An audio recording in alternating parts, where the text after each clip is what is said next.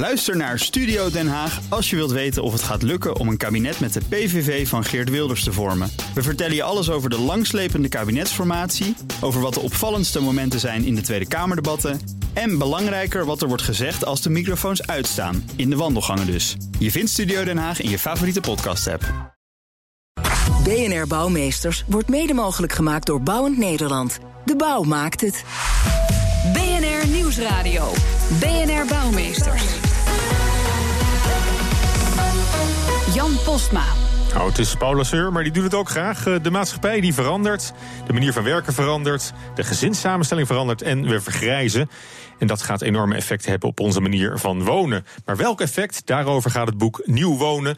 En dat is onderdeel van de serie Publiek Geheim. Hartelijk welkom bij BNR Bouwmeesters voor de bedenkers, bouwers en bewoners. Te gast eh, vandaag zijn eh, Bianca Sekles. Zij is directievoorzitter bij ERA Contour. Ilta van der Mast, managing partner Ruimte, Woning en Economie bij Twijnstra Gudde. En Theo van Oefelt, een van de initiatiefnemers van het boek Nieuw Wonen. Hartelijk welkom allemaal. Uh, en dan even, om meteen maar de vraag op tafel te gooien. Hoe woont u zelf in 2040? Eh, Theo, wat, uh, wat voor idee heb je daarbij? Nu nog geen idee, maar ik denk dat het richting een mooie loft in een hoogbouwstad, uh, in een hooggebouwde stad wordt. Ja, ook uh, in de 80 ben je dan misschien al wel? Uh, ja, ik zit even, even te denken. En, en, dan, en dan ja. wel zo hoog. Uh, zo en dan hoog. nog kunnen gebruik maken van de faciliteiten van die stad. Dat lijkt me erg aantrekkelijk. Dat is het idee. Bianca? Ik ben dan, ga dan denk ik net met pensioen zo'n beetje. En ik denk dat ik ook wel in de stad zal wonen dan, in een, uh, in een appartement. In een echt goed appartement. Maar ik denk ook wel nog wel een huisje ergens in het buitenland zal hebben. Oké, okay. oh, en en. Ja, dat, maar dat allebei, niet te, allebei niet te groot, maar te gewoon groot. leuk allebei. Oh, heel modern uh, lijkt me dat, uh, Ilse van der Mast. Ja, dat laatste zal voor mij ook wel gelden.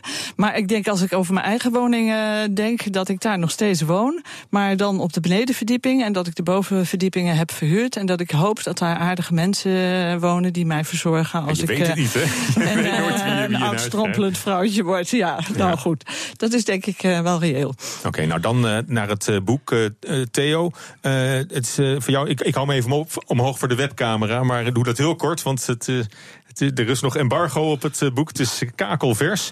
Um, Nieuw Wonen is onderdeel van de serie Publiek Geheim. Ja. waarom vonden jullie het belangrijk dat het onderwerp wonen en het wonen van de toekomst werd besproken in deze serie? Het is een serie waarin we proberen kennis die bij een vakwereld bestaat voor een breed publiek toegankelijk te maken op een leuke, aantrekkelijke manier. Wonen, daar hebben we allemaal mee te maken. Je begint er net al over. Wij vonden dat de kennis die erover is, over de tendensen die er aan zitten te komen, of die zich nu al voordoen richting het wonen in de toekomst, dat we daar eens wat meer mee konden doen.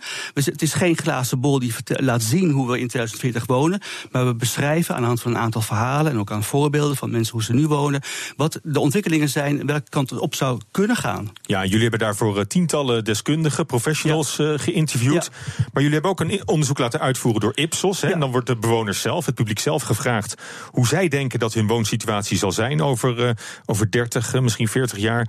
En daar kwam heel wat anders uit de bus dan wat professionals dachten. Ja, je ziet natuurlijk dat de professionals veel verder al in denken zijn over toekomstige ontwikkelingen dan, de, dan zoals wij hier nu staan, uh, waar we bezig zijn van hoe wonen we vandaag. Uh, het aardige is dat er een aantal dingen die in de professionals uh, wordt gesignaleerd van we gaan echt naar die stad toe trekken.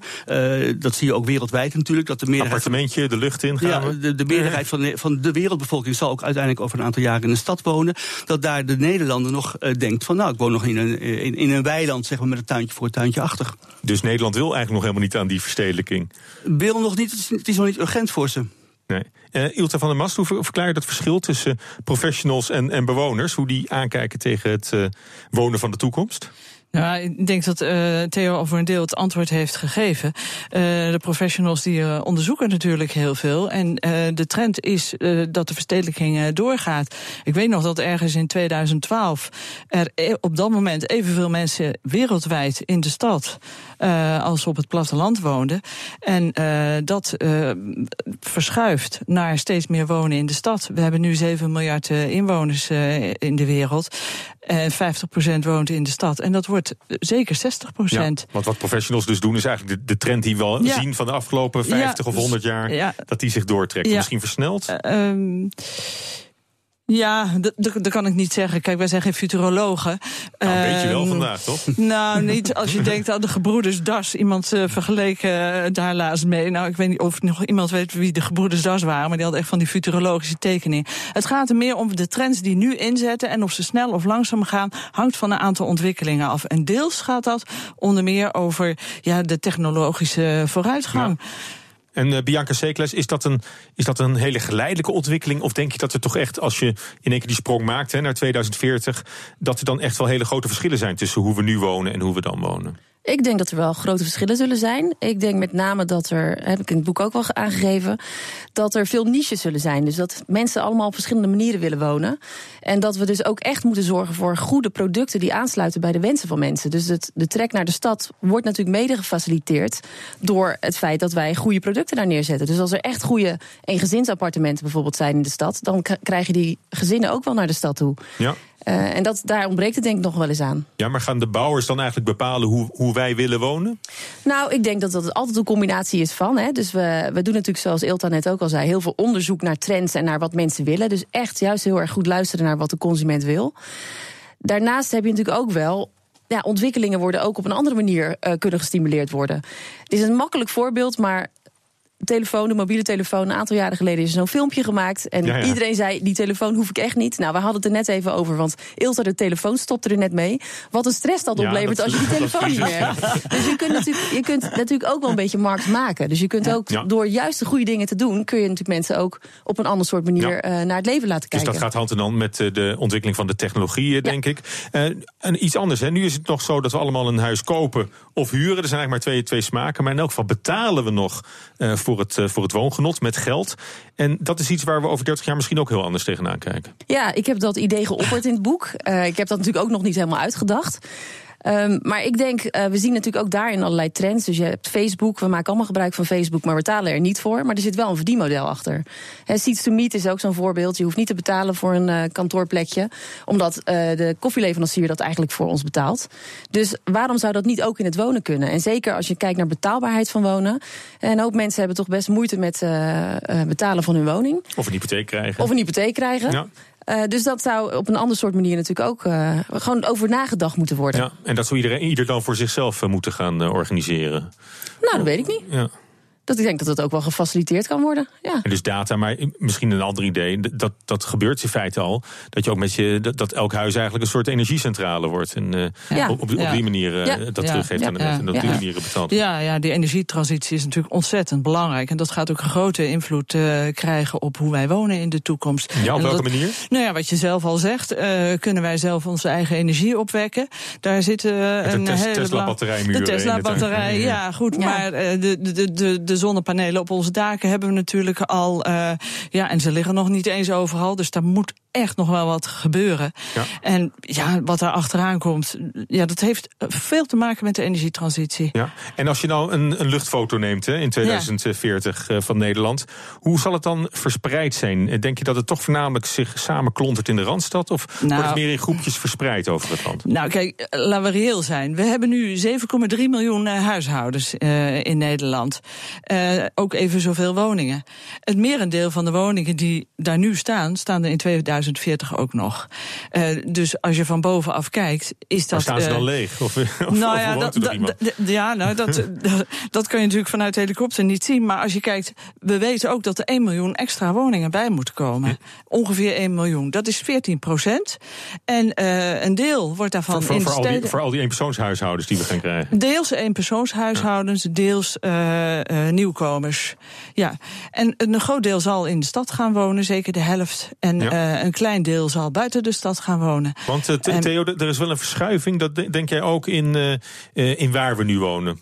Ik denk dat, dat er een verschuiving is in het, de manier waarop we willen wonen. En dat eh, oudere mensen van nu op een andere manier oud zijn dan eh, onze ouders bijvoorbeeld. Ja. En dat ze dus veel meer, daarom kies ik er zelf ook voor, eh, gebruik willen blijven maken van de faciliteiten die een stad eh, biedt. Want je hebt nu je En, niet- en prikkels. niet meer in een bejaardenflat. En zeker niet in de nee, bejaardenflat. nee, Want je wil nee. graag die prikkels blijven houden van sociale, culturele momenten om je heen. Die je ook geestelijk en lichamelijk ook jonger kunnen houden dan wanneer je ergens in de zijste bos eh, Dus een, wordt een, woongroep voor bejaarden is een heel. eh, is heel reëel. is Ja, heel reëel Dat is echt heel reëel. Dat Ja. zie je al gebeuren. Dat hè? zie je nu al, ja. Ja, ja, Maar ik denk Ja. bejaarden is ook zo'n term. Nee. Laatst zei iemand tegen mij, die zijn kinderen waren uit huis en die noemde zichzelf, die had eigenlijk bedacht: ik moet mezelf opnieuw uitvinden. En die noemde zichzelf nu een student met centen. Ah, Dus hij wil eigenlijk hetzelfde leven weer als toen hij student was. Alleen nu heeft hij wel centen. Ja, Dus dat, zou, dat zou wat zijn, hè? Ja. ik, ik vind het een goeie. En, en nou trekt de overheid zich ook steeds meer terug, eh, eh, Bianca. Gemeenten die kunnen niet alles eh, vormgeven. Mensen willen het niet. Wie is er verantwoordelijk straks voor het goed functioneren van, van een wijk bijvoorbeeld? Is er Ik- nog wel regie voor, voor de manier waarop, waarop we dat wonen nu voor ons zien? Nou, ik denk dat er zeker regie zal zijn, maar dat dat op allerlei verschillende manieren zal gaan plaatsvinden. Dus dat op sommige plekken, hè, plekken die heel erg relevant zijn voor een stad, bijvoorbeeld de gemeente wel denkt: ik neem de regie. Op andere plekken kunnen dat ontwikkelaars zijn, maar dat kunnen ook woningcorporaties nog steeds zijn of woningcoöperaties. Dus eh, bundeling van mensen die zelf een coöperatie op, oprichten en die het zelf gaan doen, dus particulieren. Maar Ja, wordt, het, ja. wordt het niet heel erg gedecentraliseerd op die manier? ja, er wordt, Ja, dat er wordt enorm Ja. En, en gedecentraliseerd. één één vraag, daar gaan we Ja. straks over verder praten. Ja. Maar krijg je dan niet hele scheve verhoudingen en, en ghettovorming? De ene wijk heeft het goed geregeld en de ander niet? Nou, daar ben ik niet zo bang voor. Ik denk dat het heel erg veel ermee te maken heeft dat de juiste partijen ook opgezocht worden door gemeenten of door andere partijen. Om juist ervoor te zorgen dat, eh, dat het wel goed gaat met elkaar. Dus ik denk dat de juiste samenwerkingen veel hechter gaan worden. Ja, dat is ook wat wij wel onderschrijven, die samenwerking. Nou, dat is de grote Ja. vraag. Hoe zorgen we ervoor dat de verhoudingen tussen de wijken niet te scheef wordt? Dat hoort u straks na de reclame. BNR Nieuwsradio. BNR Bouwmeesters. In de toekomst moeten we steeds meer zelf de regie nemen over onze woonomgeving. Maar hoe voorkom je dan dat er een te groot verschil komt tussen de verschillende wijken? Daarover praat ik verder met mijn gasten. Bianca Sekles, zij is dir- directievoorzitter bij ERA Contour. Ilta van der Mast, managing partner ruimte, woning en economie bij Twijnstra Gudde. En Theo van Oefelt, een van de initiatiefnemers van het boek Nieuw Wonen. Ja, Ilta van der Mast, hoe, hoe voorkom je in de toekomst eh, ghettovorming of armoedeclustering? Dat de wijken die, die gewoon minder streng de, de regie voeren over hun wonen, dat die eh, achterblijven bij de, ja, bij de buurten die het wel goed eh, organiseren? Nou ja, je- gaat er al vanuit dat dat gaat gebeuren. Ik eh, zal niet ontkennen dat als je meer gethematiseerd gaat bouwen, dat je dus eh, mogelijk op termijn ook meer segregatie zou kunnen krijgen. Maar nou, wetenschappelijk onderzoek laat ook wel zien dat segregatie op zich niet een probleem is. Dat levert geen maatschappelijke probleem op. Wat wel een probleem oplevert, is concentratie van armoede. En dat is een, een vraagstuk wat eigenlijk ehm, ja, op de politieke agenda thuis hoort. En ehm, ja, ik kan eh, in dit eh, gesprek niet eh, al te veel politieke uitspraken doen. Dat vind ik niet Ja, aan dat, de zou, orde. dat, dat zou misschien Maar- te ver gaan. Maar, ja, maar, maar een- ja. wat mij wel bezighoudt, is dat is dat, dat, dat, dat droombeeld van, van gezellig met, met, met ouderen en gelijkgestemden samen in, in, een, in een woongroep vormen en, en je eigen voorzieningen en zorg regelen. Dat is toch ook wel iets voor de, voor de elite misschien wel. Nou ja, in ieder geval voor de mensen die het vermogen hebben, en dan bedoel ik de capaciteit om hun eigen zelfredzaamheid te organiseren. En de, de staat, het Rijk gaat er eigenlijk vanuit dat eh, ja, eigenlijk de burgers meer zelfredzaam worden. Of je nou ouderen bent, of je jongeren bent, of je gehandicapt bent, of wat ook. Wij moeten zelfredzamer worden. We moeten ook zelf meer ons, onze gebouwde omgeving onderhouden. En inderdaad, het is zo dat mensen die daar meer capaciteit eh, voor hebben, die kunnen dat ook beter. En de keerzijde daarvan is de mensen die dat niet kunnen, dan daar eh, de problemen zitten. Dus die moeten wel degelijk begeleid worden. Ja, Th- Theo van Oefelt, heeft de overheid daarin niet een, toch nog een grote verantwoordelijkheid om dat ook te, te blijven begeleiden? Zeker een verantwoordelijkheid. Alleen je ziet dat er het Rijk zich sowieso heel erg terugtrekt. En dat eh, de lagere overheden de vraag eigenlijk nauwelijks aankunnen. Of deze verantwoordelijkheid nauwelijks aankunnen. Dus dan, dan blijft er weinig over waar je de verantwoordelijkheid als, als zodanig kunt neerleggen. En, Anders en, en de woningcorporaties? Die mogen op dit moment natuurlijk heel weinig. mogen niks Eh, meer nee. Dus ik denk Nee. dat je daar niet veel van moet verwachten. Dus ik denk, ik sluit graag aan bij Ilta. Dat het toch bij de mensen zelf zullen zijn. eh, hoe ga je je woonomgeving vormgeven en onderhouden? De vraag is van wie is de wijk? Ja. Dat is uiteindelijk de vraag. En, en moeten we dan maar voor lief nemen dat er, dat er twee soorten wijken en buurten ontstaan? Nou, ik zou niet willen Of zeggen dat er twee. Nee, ik denk dat je gewoon veel meer differentiatie gaat krijgen. Dus veel meer eh, buurtjes die gebouwd worden. of buurtjes die aangepast worden op de, de wensen van bewoners. En dat is op zich ook helemaal op, niet erg. verschillende dingen natuurlijk. Je krijgt, ik denk dat, dat welvaartsniveaus bij elkaar gaan kruipen. Eh, leeftijdsgenoten zullen elkaar opzoeken. Dat is een benadering, maar dat is meer een demografische benadering. En je kunt ook meer een leefstijlbenadering eh, kiezen. Waarbij het gaat om mensen die een bepaalde oriëntatie op het leven hebben. en hoe zij willen samenwonen. Ja. En dat, ja, dat zijn andere lijnen waarlangs je dat laat plaatsvinden. En, en nog, En dat is niet per se een een scheiding tussen arm en rijk. Uh, okay, heeft maar, je, hebt natuurlijk ook gezinnen met kinderen, die, Ja. die zullen andere wensen Ja, hebben dan, eh, dan mensen die graag eh, uitgaan, eh, bijvoorbeeld. En, eh, ehm, hoe, hoe zit het met, met, met, met scholing, met onderwijs? Nou, wat we zien is is, dat, is dat ook iets wat misschien heel anders eruit ziet over 30 Nou, jaar? dat zou best kunnen. Want eh, de laatste tijd lees ik toch wel vrij veel dat eh, die, die kleinere buurtjes toch de norm gaan worden. Waar dan ook onderwijs en eh, gezondheidsvoorzieningen aanwezig zijn. Consumenten willen zich gewoon in hun eigen woonomgeving bevestigd zien in hun identiteit. En daar hoort een wat kleiner schaalniveau bij. En daar horen ook voorzieningen bij die bij die mensen passen. Ja. Dus inderdaad, dat zou een, een consequentie kunnen zijn. Maar hoe er zich dat gaat voltrekken, ja, dat zullen we de komende jaren zien. En, en, vraag je dan ook van mensen om, eh, eh, om, om door te schuiven na tien jaar omdat hun eh, situatie verandert? Of, of zoek je juist ook huizen die zich weer kunnen aanpassen aan de nieuwe levensfase? Nou, historisch gezien is het zo dat. Levensloopbestendig uh, wonen. Nou, historisch gezien is het zo dat woningen die zich goed kunnen aanpassen aan de vraag van de tijd, die blijven uh, gemiddeld genomen ook uh, veel langer staan. En ik denk dat dat de uitdaging sowieso is in het kader van duurzaamheid, dat je dus aanpasbare uh, bouwconcepten hebt. Maar um, om nou te zeggen dat mensen moeten doorschuiven of dat je overal dure maatregelen treft voor levensloopbestendige woningen, hè, rolstoel toegankelijk of iets dergelijks, dat lijkt mij weer te ver gaan. Dat is te duur. Ja, ja, goed. Maar je kan het misschien als het zover is. Want misschien ligt daar ook wel een rol voor, uh, voor bouwpartijen. Uh, denk ik, om, om, dat, uh, ja, om, om dat moment voor te zijn. Of misschien ook wel ideeën aan te reiken. Ja, nou, ik vind. Uh, eigenlijk wil ik nog even terugkomen op het vorige onderwerp. Zeg maar over die segregatie en over hoe je met leefstijlen en met gethematiseerde wijken mm -hmm. eigenlijk wel goede plekken kan maken. Hè? Ja. Wat wij veel merken is, wij werken heel veel in bestaanstedelijk gebied, in de minder goede wijken. Ja. En we hebben bijvoorbeeld Le Medi gemaakt, staat ook in het boek, uh, in Rotterdam, Rotterdam Noord, op een van de slechtste plekken destijds van Rotterdam Noord. Mm. En we hebben daar. Het is een beetje een Caribische look of mediterraan? Mediterraan. Of mediterraan ja, mediterraan. En we hebben eigenlijk, doordat we dit concept bedacht hebben, samen met de consument die daar uiteindelijk is gaan wonen, hebben we het voor elkaar gekregen om mensen naar een wijk te krijgen, te verleiden mm. naar naartoe te gaan, waar ze anders nooit naartoe zouden zijn gegaan. En je ziet dat dat de wijk een enorme boost heeft gegeven op een positieve manier. Dus er zijn nieuwe mensen naartoe gekomen. Niet per se mensen die heel veel meer geld verdienen, maar echt met een andere leefstijl. En dat, dat, ja, dat helpt elkaar om beter te worden met elkaar. En, en dat... op, op, welke manier uh, stimuleert de bouw of, of de manier waarop die huizen zijn vormgegeven, nou ook die manier van wonen, dat het, dat het die groepen aanspreekt? Dat in dit geval komt dat heel erg door het concept. Doordat het een heel erg uitgesproken concept is. Waar je heel erg verliefd op kan worden. En waar je dus dan ook heel bewust voor kiest. En als je ergens voor kiest, dan ga je er ook voor zorgen, zeg ik altijd maar. Um, wat daar verder kan, is dat die woning heel makkelijk uitgebreid kan worden. Dus wat wij in de basis al bedacht hebben, is het is een, een standaardwoning zeg maar, van drie lagen.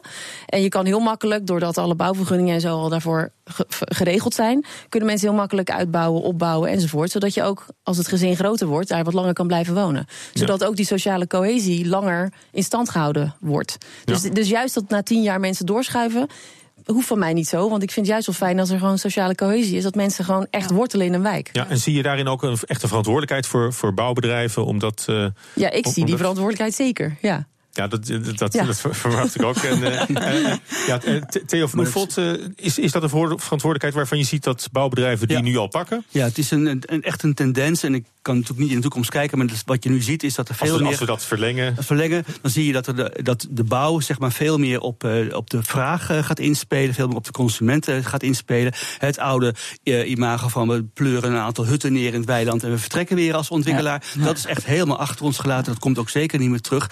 Maar gaat zich veel meer op maatgericht, maatwerk richten om te zeggen van wat wil, hoe wil men wonen. En ik geloof heel erg in die styling ook van ILTA. Van, het gaat echt om de leefstijlen waarvan mensen kiezen. En daar anticipeert die op. En in aanvulling daarop, ontwikkelaars zullen ook langer betrokken blijven bij wijken. Ja. Dus niet alleen maar bouwen en, en vertrekken. Nee. Maar zij zullen in de toekomst, verwacht ik, ook meer een rol spelen bij het beheer van bij wijken. Bij belegger ja. blijven in een wijk. En, en, en dan kun je allerlei modellen verzinnen dat, waarbij dat, dat ook... is een modernisering die nu al is ingezet. En, en, waarvan je ervan uit kan gaan dat die over 30 jaar ja, zeker. Zeg maar zeker. Naar, naar, een nog hoger niveau ja, gaat. Klopt. Um, nou is het een heel rooskleurig uh, beeld van de toekomst, denk ik. Het, het is een heel positief uh, boek geworden. Het nieuwe, nieuwe wonen.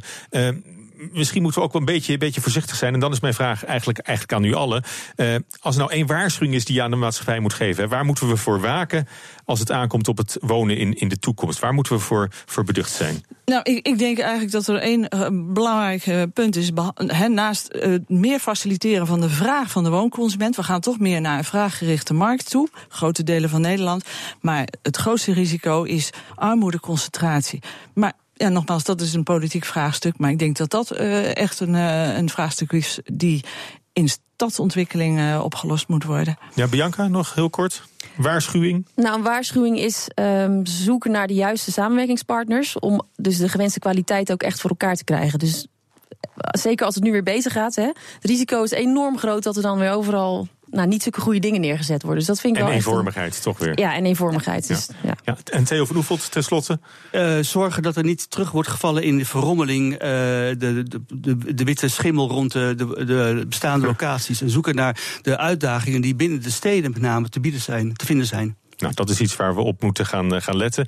Interessant, een, een doorkijkje 30 jaar vooruit naar het nieuwe wonen. Hartelijk dank voor jullie bijdrage. Uh, Bianca Sekles, directievoorzitter bij ERA Contour. Ilta van der Mast, managing partner Ruimte, Wonen en Economie bij Twijnstra Gudde. En Theo van Oefelt, een van de initiatiefnemers van het boek Nieuw Wonen. Kopen of huren? Hoe herken ik een betrouwbare makelaar? Waar vind ik een goede klusjesman? Weet je wat? Ik vraag het Fred. Deze rubriek beantwoordt altijd een bouwvraag van de luisteraar. Met deze week de vraag: Ik wil graag een daktuin op mijn dak. Waar moet ik beginnen? Nou, Fred, waar moet ik beginnen? Nou, ik, ik heb deze vraag voorgelegd aan uh, Friso Klapwijk van de Dakdokters. Het uh, belangrijkste eigenlijk er zijn twee dingen. Eén, moet je kijken, is mijn dak sterk genoeg? En twee, is mijn dak waterdicht?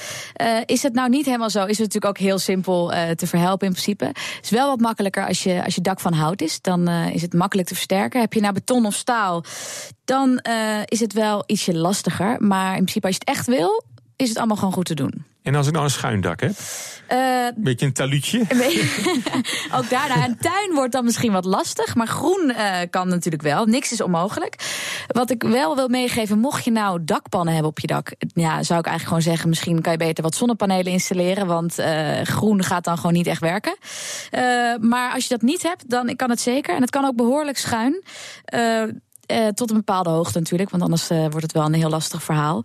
Maar laten we beginnen met alle platte daken, als we dat gewoon nu afspreken. En dan gaan we daarna wel kijken of we ook wat groen uh, op de schuine daken kunnen leggen. En het advies is dus eigenlijk, als je een schuin dak hebt, liever zonnepanelen dan, ja. dan groen. Dus ben je toch groen bezig, maar dan in overdrachtelijke zin. Hartelijk dank daarvoor. tot zover deze uitzending van BNR Bouwmeesters. Op bnr.nl slash bouwmeesters is deze uitzending terug te luisteren. En we zijn ook op Twitter, dus heeft u tips of een vraag aan Fred, BNR Bouw of uh, mail uw uh, suggestie naar bouwmeesters.bnr.nl. Hartelijk dank voor het luisteren. BNR Bouwmeesters wordt mede mogelijk gemaakt door Bouwend Nederland. De bouw maakt. Ook Bas van Werven vind je in de BNR-app. Ja, je kunt live naar mij en Iwan luisteren tijdens de ochtendspits. Je krijgt een melding van Breaking News. En niet alleen onze podcast Ochtendnieuws, maar alle BNR-podcasts vind je in de app. Download nu de gratis BNR-app en blijf scherp.